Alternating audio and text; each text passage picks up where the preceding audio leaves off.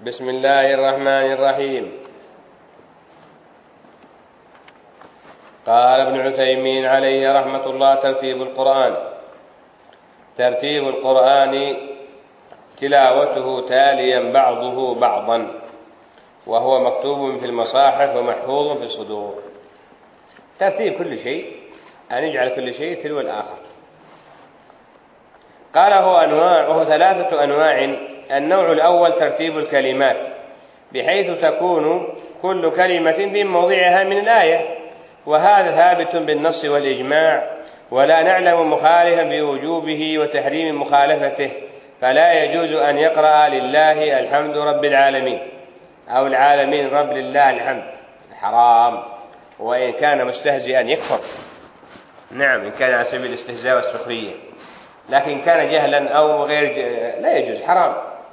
قال بدلا من الحمد لله رب العالمين الحمد لله رب العالمين. ترتيب الكلمات. ثابت بالنص والإجماع. قال النوع الثاني ترتيب الآيات بحيث تكون كل آية في موضعها من السورة. وهذا ثابت بالنص والإجماع. وهو واجب على القول الراجح وتحرم مخالفته ولا يجوز أن يقرأ مالك يوم الدين. الرحمن الرحيم. بدلا من الرحمن الرحيم مالك يوم الدين. ففي صحيح البخاري أن عبد الله بن الزبير أن عبد الله بن الزبير قال لعثمان بن عف بن عفان لعثمان بن عفان رضي الله عنهم في قوله تعالى والذين يتوفون منكم ويذرون أزواجا وصية لأزواجهم متاعا إلى الحول غير إخراج قد نسختها الآية الأخرى يعني قوله والذين يتوفون منكم ويذرون أزواجا تربصن بأنفسهن أربعة أشهر وعشرا فهذه الناسخة مكتوبة في المصحف قبل. الناسخة مكتوبة قبل. والمنسوخة بعد. قالوا هذه قبلها في التلاوة. قال فلم لا فلم تكتبها؟ أي لماذا ما تجعل الأولى المنسوخة الأولى والناسخة الأخيرة؟ لأن الناسخ متأخر. فقال عثمان رضي الله عنه يا ابن أخي لا أغير شيئا منه من مكانه. هذا في البخاري كما سبق. أي أنا أفعل كما جاء كما ورد. هكذا يقول عثمان. قال وروى الإمام أحمد وأبو داود والنسائي والترمذي من حديث من حديث عثمان رضي الله عنه أن النبي صلى الله عليه وسلم كان ينزل عليه السور ذوات العدد فكان إذا نزل عليه الشيء دعا بعض من كان يكتب فيقول ضعوا هذه الآيات في السورة التي يذكر فيها كذا وكذا. هذا فيه ضعف لكن الواقع هذا. أنهم ما كانوا يضعوا شيئا إلا بأمر الرسول صلى الله عليه وآله وسلم. وهذا الحديث مع ضعفه هو مذكور في الباب فما يغني عنه ما تقدم وأدلة أخرى ذكرناها في كتابنا علوم القرآن. هل تجد نسخة هنا مع أحد من العلامة العثيمين عليه رحمة الله ذكر أن ترتيب الكلمات توقيفي ترتيب الآيات توقيفي. أما السور اجتهادي. هذا قول العلامة العثيمين.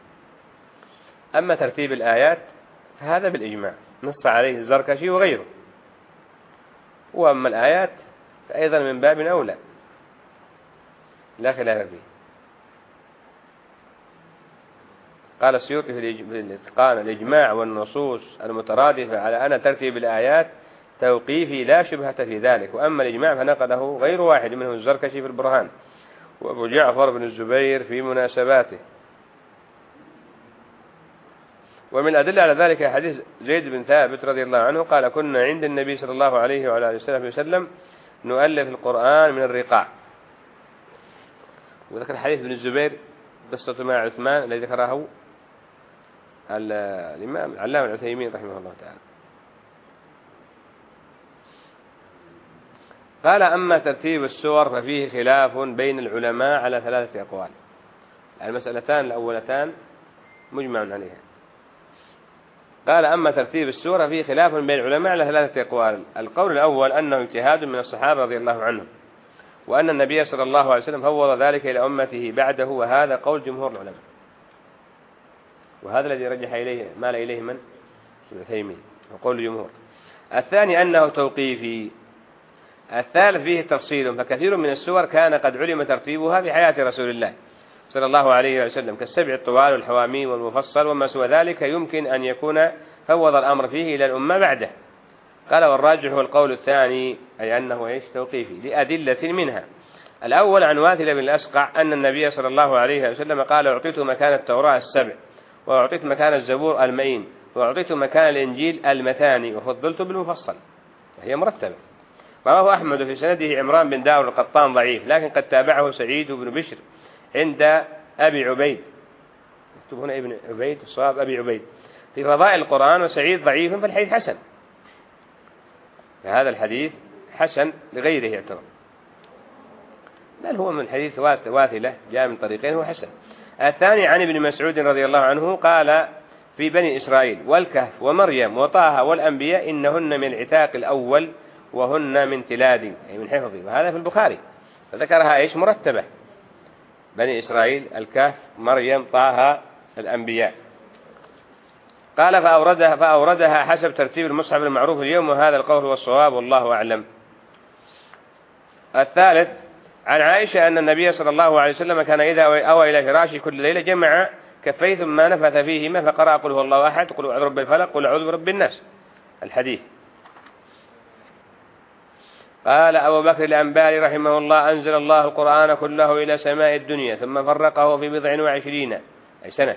فكانت السورة تنزل لأمر يحدث والآية جوابا لمستخبر ويوقف جبريل ويوقف جبريل النبي صلى الله عليه وسلم على موضع الآية والسورة فاتساق السور كاتساق الآيات والحروف كله أو كله عن النبي صلى الله عليه وسلم. فمن قدم سورة أو أخرها فقد أفسد نظم القرآن. وقال الكرماني في البرهان ترتيب السور. هكذا هو عند عند الله في اللوح المحفوظ على هذا الترتيب وعليه كان صلى الله عليه وعلى وسلم يعرض على جبريل كل سنة.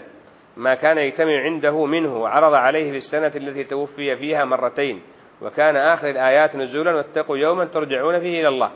فأمره جبريل أن يضعها بين آيتي الربا والدين. وقال الطيبي أنزل, أنزل القرآن أولا جملة واحدة من اللوح المحفوظ إلى سماء الدنيا. ثم نزل مفرقا على حسب المصالح ثم أثبت في, أثبت في المصاحف على التأليف والنظم المثبت في اللوح المحفوظ. قال الزركشي في البرهان والخلاف بين الفريقين لفظي لأن القائل بالثاني يقول إنه رمز إليهم بذلك ليعلمهم ليعلمهم أسباب نزوله. هذا حاصله. حاصل أن ترتيب الآيات الكلمات والآيات والسور كله إيش؟ كله توقيفي. لهذا لا يقدر واحد الآن يطبع المصحف ويقدم النساء على آل عمران يقول هكذا صلى بها النبي صلى الله عليه وسلم في صلاة الليل. ما يقدر أحد. النوع الثالث ترتيب السور بحيث تكون كل كل سورة في موضعها من المصحف. وهذا ثابت بالإجتهاد فلا يكون واجبا. وهذا القول المرجوح بل هو ثابت أيضا يعني بل هو واجب. وقد ذكرنا أنه ليس بالاجتهاد بل هو توقيفي. ذكرنا في الكتاب المذكور إن شاء الله نحضر غدا أو من كان عنده يحضره جيد حتى نقرأ فيه. فنحن بصراحة بذلك الكتاب حاولنا نعتني وأن نجمع في الباب جمعا جيدا. قال وفي صحيح مسلم عن حذيفة بن اليمان رضي الله عنه أنه صلى مع النبي صلى الله عليه وسلم ذات ليلة فقرأ النبي صلى الله عليه وسلم البقرة ثم النساء ثم آل عمران. هذا لا يعني لا يعني عدم الترتيب. فهذا التنكيس في القراءة يجوز. يجوز أنك تصلي الآن تقرأ في الركعة الأولى بالإخلاص وتقرأ في الركعة الثانية بالقارعة مثلا. يجوز أن تقرأ شيئا من الإسراء في الركعة الأولى. وتقرأ في الركعة الثانية من التوبة. تقرأ في الركعة الأولى مثلا من هود. وتقرأ في الركعة الثانية في الركعة الأولى من هود مثلا. فتقرأ في الركعة الثانية مثلا من المائدة أو من الأنعام. هذا جائز لهذا الحديث. لكن ما هو في ركعة واحدة؟ في هذا جائز. أما ترتيب القرآن فالصحيح أنه توقيفي كله. ولا مجال للاجتهاد. نعم. التنكيس بهذه الطريقة. لأنه في تنكيس أنه يقرأ آخر آية مثلا يقول غير المغضوب عليهم ولا الضالين اهدنا الصراط المستقيم مالك يوم الدين هذا حرام. التنكيس هذا حديث حذيفة في صحيح مسلم. قال صليت مع النبي صلى الله عليه وسلم فقرأ فاستفتح البقرة فقلت يركع عند المئة قال فقلت اقرأ بها قال فقرأها ثم افتتح النساء فقرأها ثم افتتح آل عمران. حتى في ركعة واحدة إذا أكمل السورة لا مانع. أي نعم فهذا ثابت جائز. جائز لكن ما يكون ديدا إنسان دائما. لكن هذا ثابت حديث حذيفة في صحيح مسلم. لكن الذي نحن بصدد ها هنا كما سمعتم أن هذا توقيفي ترتيبه في المصحف توقيفي. ما يأتي واحد يقول نحن نطبع المصحف الآن؟ والله لا بأس الآن الرسول صلى الله عليه وسلم قرأ النساء قبل آل عمران وهي في الحقيقة أطول. يلا حط النساء الأولى. وبعدها آل عمران. هذا لا يجوز أبدا. ترتيب القرآن توقيفي وهذا الذي أجمع عليه الصحابة. ولا نعلم في مصحف واحد ولا في زمن من الأزمان أنهم غيروا هذا الترتيب. لا يجوز. هكذا ترتيب المصحف هو ابن عثيمين عليه رحمة الله يرى أنه كان بالاجتهاد. ليس صحيح أنه بالاجتهاد بل هو بالنص. ترتيب المصحف بالنص. وأما ما حصل في القراءة فهذا بعد أن علم. وهو معلوم لا يضر. قال وروى البخاري تعليقا وما ما يذكر تعليقا لا يقال روى يقال ذكر. وروى البخاري تعليقا عن الأحنف أنه قرأ في الكهف أو بالأولى بالكهف وفي الثانية بيوسف أو يونس. وذكر أنه صلى مع عمر بن الخطاب الصبح بهما. قال شيخ الإسلام ابن تيمية رحمه الله تجوز قراءة هذه قبل هذه سمعت كلام شيخ الإسلام؟ وكذا في الكتابة. في الكتابة كيف؟ يعني أن تصنف تستدل. مثلا أنت الآن تقرأ في الصلاة في الصلاة تكتب آيات في الصلاة أو تخطب الجمعة. تقول فقال فمن بعدهم خلف أضاعوا الصلاة. بعد آية ذلك تقول إيه؟ قال الله سبحانه وتعالى لماذا وأقيموا الصلاة وآتوا الزكاة. أي نعم. واستعينوا بالصبر والصلاة. فيجوز في الكتابة يجوز في الخطابة. لا يلزم أنك لا لا تبدأ بالآية الأولى في البقرة ثم تستدل بالآية التي بعدها. فلو أنك ذكرت الآية التي في آل عمران ثم ذكرت الآية التي في البقرة ما يصلح؟ لا يصلح.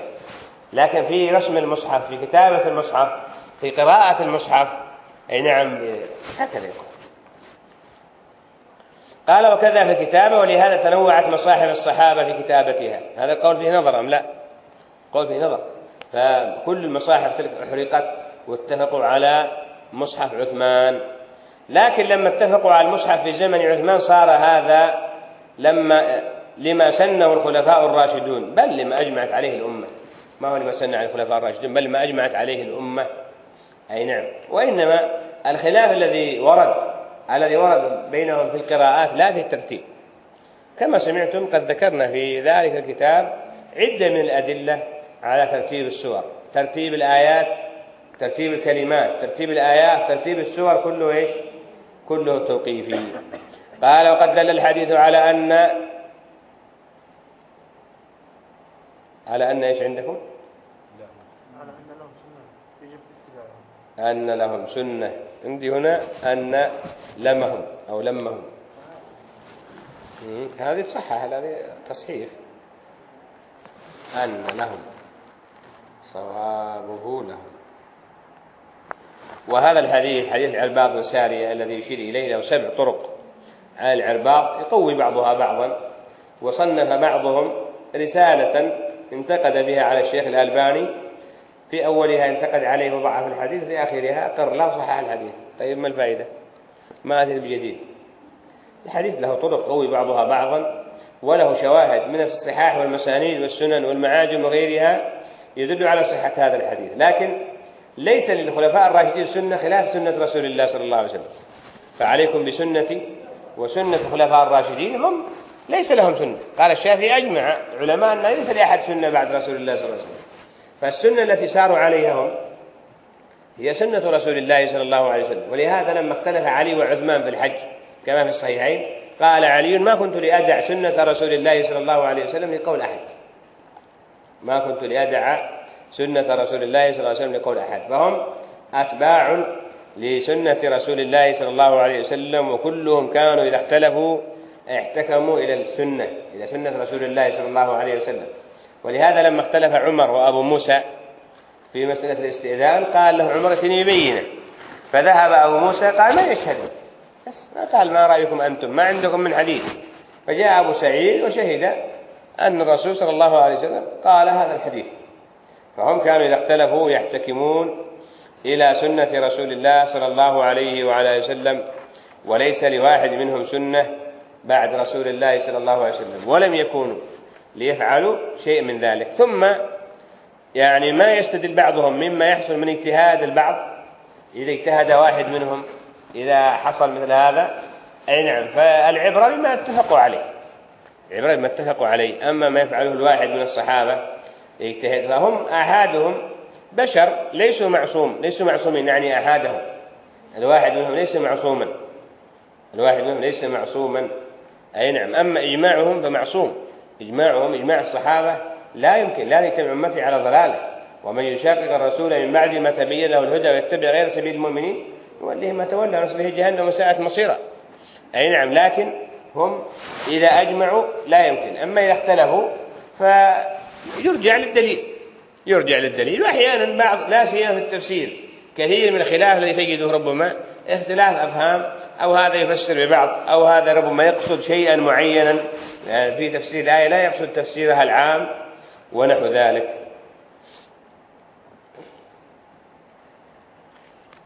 والعناية بكتاب الله من أنفع بل أنفع ما يعتني به المسلم. حفظا وتدبرا وتفسيرا وهكذا هكذا أيضا طباعة المصاحف ونشرها وتوزيعها هذا من الحسنات العظيمة. حتى قالوا أعظم حسنة لعثمان. طبعا بعد الإسلام بعد صحبة رسول الله صلى الله عليه وسلم هي أنه جمع المسلمين على مصحف واحد. ولهذا صارت من أفضل حسنات الملك فهد رحمه الله أنه اعتنى بطباعة المصحف طباعة رائقة جدا. أي نعم لو لم يكن له بعد إسلامه إلا هذه الحسنة. كانت حسنة عظيمة حسنة عظيمة. فمن وفق لخدمة كتاب الله؟ والله يوفق لخير عظيم. وأي شيء تؤمل إلى طالب العلم يا عبد الله أفضل من العناية بكتاب الله سبحانه وتعالى. فيه الهدى وفيه النور وفيه النجاة وفيه السعادة. ومن يعش عن ذكر الرحمن نقيض له شيطان فهو له قريب والله الذي يعرض عن القرآن أي نعم الشيطان ربما راكب فوق رأسه. شيطان قرين معه قيض له شيطان فهو له قرين وإنهم يصدونهم عن السبيل يحسبون أنهم مهتدون فكثير من الذين ينحرفون يضلون يزيغون نسأل الله السلامة والعافية بإعراضهم عن القرآن فالقرآن هداية إن هذا القرآن يهدي التي هي أقوم القرآن نور يستنير به نعم يا أيها الناس قد جاءكم برهان من ربكم وأنزلنا إليكم نورا مبينا القرآن سعادة فمن شرح الله صدره للإسلام فهو على نور من ربه. القرآن شفاء من سائر الأمراض وننزل القرآن ما هو شفاء ورحمة للمؤمنين. القرآن بركة والقرآن أيضا نجاة. تركها حسرة كما جاء في ماذا؟ في صحيح مسلم في البقرة آل عمران. تركها أخذها ماذا؟ بركة وتركها حسرة ولا تستطيعها البطلة. أي نعم. فأقبل أقبل على القرآن. إذا أردت النجاة عليك بالقرآن إذا أردت العزة عليك بالقرآن أي خير تريده عليك بكتاب الله عز وجل. ابتداء وانتهاء. ابتداء ابدأ بالقرآن حفظا وفهما وتفسيرا وغير ذلك. لا تشبع منه.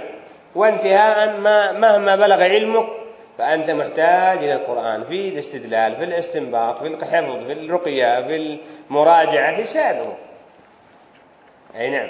فما أحوج ما أحوج كثير من حفاظه من حفاظ القرآن ما أحوج كثير إلى إلى القرآن إلى فهمه إلى تفسيره إلى العمل به. كلنا كل المسلم كل مسلم يحتاج إلى هذا. تركت فيكم ما إن تمسكتم به لن تضلوا بعد أبدا. كتاب الله. إي والله التمسك بالقرآن نجاة التمسك بالقرآن عصمة. عصمة من الفتن من الضلال من الانحراف من سائر الأمراض والأسقام. من سائر المعاصي. أي نعم. اجعل القرآن قائدا حكما القرآن والسنة على فهم السلف. أي نعم. إياك أن تركن إلى الدنيا أو إلى هذه الفرق أو تلك المخالفات أو إلى المعاصي. أي نعم. تمسك بكتاب الله. تمسك بحبل الله واتبع الهدى ولا تكن بدعيا لعلك تفلح. ودم بكتاب الله لعلك تفلح. كلام من؟ ابن أبي داود. أي نعم هذه قصيدة جميلة. ابن أبي داود وهي ثابتة ذكرها الآجري في آخر الشريعة. أي نعم قد شرحت ولا نشرها عليها لم يطبع. أي نعم هذه جيدة لعلنا نقرأها في المستقبل. قد درسناها الحمد لله. قد درسناها أكثر من مرة وفي أكثر من دولة. جيدة هذه. فالاعتصام الاعتصام بكتاب الله وسنة رسول الله صلى الله عليه وسلم لزوم الحق وترك الباطل والحذر. أي نعم فإن هذا الذي ينفعك يا أخي. والله هذا الذي ينفعك في دنياك وفي أخراك لما يموت الميت في قبره يسأل عن إيش؟ يقال له ماذا؟ جاء في حديث البراء في رواية وفي مسند أحمد. يعني ماذا ما تقول في كتاب الله وبهذا المعنى؟ قال قرأت كتاب الله وعملت به. جاءت رواية صحيحة ثابتة. أي نعم. أنه جاء أنه يسأل من ربك وما دينك وما تقول في هذا الرجل الذي بعث فيكم؟ جاء أنه يسأل عن كتاب الله فيقول قرأت كتاب الله وعملت به. أي نعم. قال الرسول يا رب إن قوم اتخذوا هذا القرآن مهجورا. لنا خطبة جمعة في دماج بحمد الله حول هجر القرآن. ذكرنا من هجره هجر العمل. استفدنا من علمائنا المتقدمين ذكره ابن القيم وغيره. أي نعم. فمن هجره هجر القراءة هجر الاستماع هجر العمل هجر التحاكم هجر الاستشفاء هجر التدبر. كل هذا من هجر القرآن. لا تظن أنك أن تقرأ قرآن كل يوم تقرأ أنك والله قد تكون تقرأ قد تكون من حفاظ القرآن وعندك من أنواع الهجر.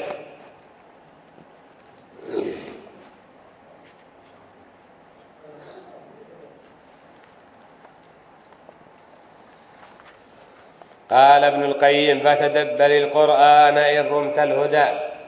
فالخير كل الخير تحت تدبر القرآن. والله يا أخي لو تتأمل آية تقرأ تفسير آية تتأملها كل يوم أو بعض مقاطع هكذا وتعمل بها وتتابع نفسك. هل الآن هذا أنا الآن أعمل بشرع الله؟ في أي مسألة صغيرة أو كبيرة. مسألة تعرض عليك تحصل لك يحصل لك خلاف يحصل لك يعني ماذا؟ أي مسألة. ما الذي قال إن استطعت أن لا تحك رأسك إلا بالدليل فافعل؟ سفيان. قال إن استطعت ألا تحك رأسك إلا بالدليل فافعل. أي نعم. يا أخي كم سيطول العمر؟ كم؟ ماذا ستجني؟ ماذا تحصل؟ والله ما تحصل خير ولا أفضل من العمل بكتاب الله وسنة رسول الله صلى الله عليه وسلم. ما تجد أفضل من التمسك بدين الله الحق والاستقامة على دين الله؟ ما تجد أفضل من هذا. ولهذا أنت تبتلى وتختبر. الآن الابتلاءات والاختبارات كثيرة. الابتلاءات والاختبارات كثيرة. فإن كنت إذا ابتليت حكمت الشرع. إذا ابتليت حكمت شرع الله سبحانه وتعالى فأنت بهذا الاختبار ناجح. أي نعم سواء كان الحكم عليك أو لك أحيانا أنت ربما تذهب مع خصم مع من الناس إلى قاضي من القضاة ويحكم عليك أن تدفع مبلغا من المال. لكن هذا يعتبر ناجح أنك برأت ذمته أي نعم فأنت إذا حكمت شرع الله في أي مسألة في أي مسألة فيما بينك وبين الله فيما بينك وبين صاحبك فيما بينك وبين أهلك فيما بينك وبين إنسان تختصم معه الشارع. أي نعم فهذا اختبار. والدنيا دار ابتلاء واختبار. فإذا أنت حكمت شرع الله وعملت بشرع الله سبحانه وتعالى هنا النتيجة إيش؟ ناجح. فهنا نجاح نجاح نجاح. بإذن الله عز وجل يكتب لك الله النجاح في الدنيا وفي الآخرة. لكن إذا كنت تحصل لك مسألة تختلف مع إنسان أو تلم ببعض المعاصي ولو كان بينك وبين الله ما يطلع عليها إلا الله. فلكنك تفشل. أي نعم تطلع النتيجة فاشل فاسد بالله يا أخوان. أي نعم انظر أنت الآن كم اختبارات رسبت فيها كم اختبارات فشلت فيها. هذا حاصل هذا حاصل الإنسان أي نعم. ومع ذلك إذا رسب الإنسان يتوب إلى الله يستغفر ويرجع إلى الله ويراجع نفسه. أي نعم. ويصلح ما بينه وبين الله وما بينه وبين خلقه. فهذا لله عز وجل ينجح. الذي يرسب في بعض المدارس النظامية هذه. أي نعم يرسب في سنة قالوا أعيد السنة. لكن بعضهم يرسب ويطلق الموضوع بالكل ويبقى راسب لا يا أخي. حاسب نفسك قبل أن تحاسب. هذا الأثر عن عمر ذكره مالك في الموطأ بإسناد صحيح. وجاء الغير حاسبوا أنفسكم قبل أن تحاسبوا. وزنوا أنفسكم قبل أن توزنوا. يا أخي حاسب نفسك الآن. حاسب نفسك كل يوم في هذا اليوم. ماذا حصل من خير. ماذا حصل من خطأ والزلل. استغفر. وتب إلى الله عز وجل. باب التوبة مفتوح. باب التوبة مفتوح. لا يغلق حتى تغرب الشمس. تطلع الشمس مغربها وحتى تخرج الروح. أي نعم. فعلامة يا عبد الله هذا التفريط وهذا الإهمال علامة لا لا تفرط. حاسب نفسك فيما يحصل لك فيما يحصل لك من هذه الأشياء كلها حاسب نفسك. فإن كانت النتيجة ناجح غير مغالطة. بعض واحد يمكن لو سمع لنفسه قرآن يطلع متقن لكن يسمع عند صاحبه كله أغلاط. لا حاسب نفسك محاسبة صحيحة. هنا ما ما تخادع نفسك يا أخي. إياك أن تخدع نفسك إياك أن تغش نفسك. هذا والله خيانة عظيم. يعني أعظم خيانة يعني فيما بين العبد وما بين الناس أنه يغش نفسه يخدع نفسه أو يغش نفسه أي نعم ما تغش الناس تغش نفسك. ما تخادع الناس تخادع نفسك. فإذا كنت يا أخي تخادع نفسك إذا كنت تغش نفسك أي نعم فلمن تنصح؟ أنت لمن؟ ما ما يمكن أنك تنصح لأحد. فالذي الغاش لنفسه والمخادع لنفسه لا يمكن أن ينصح لأحد. لكن أنت انصح لنفسك ولا حاسبها بجد ولمها على التقصير وماذا؟ وتدارك ما حصل منك من تقصير وما حصل من زلال التوبة إلى الله سبحانه وتعالى وزنها بالميزان الشرعي. زنها بالميزان الشرعي.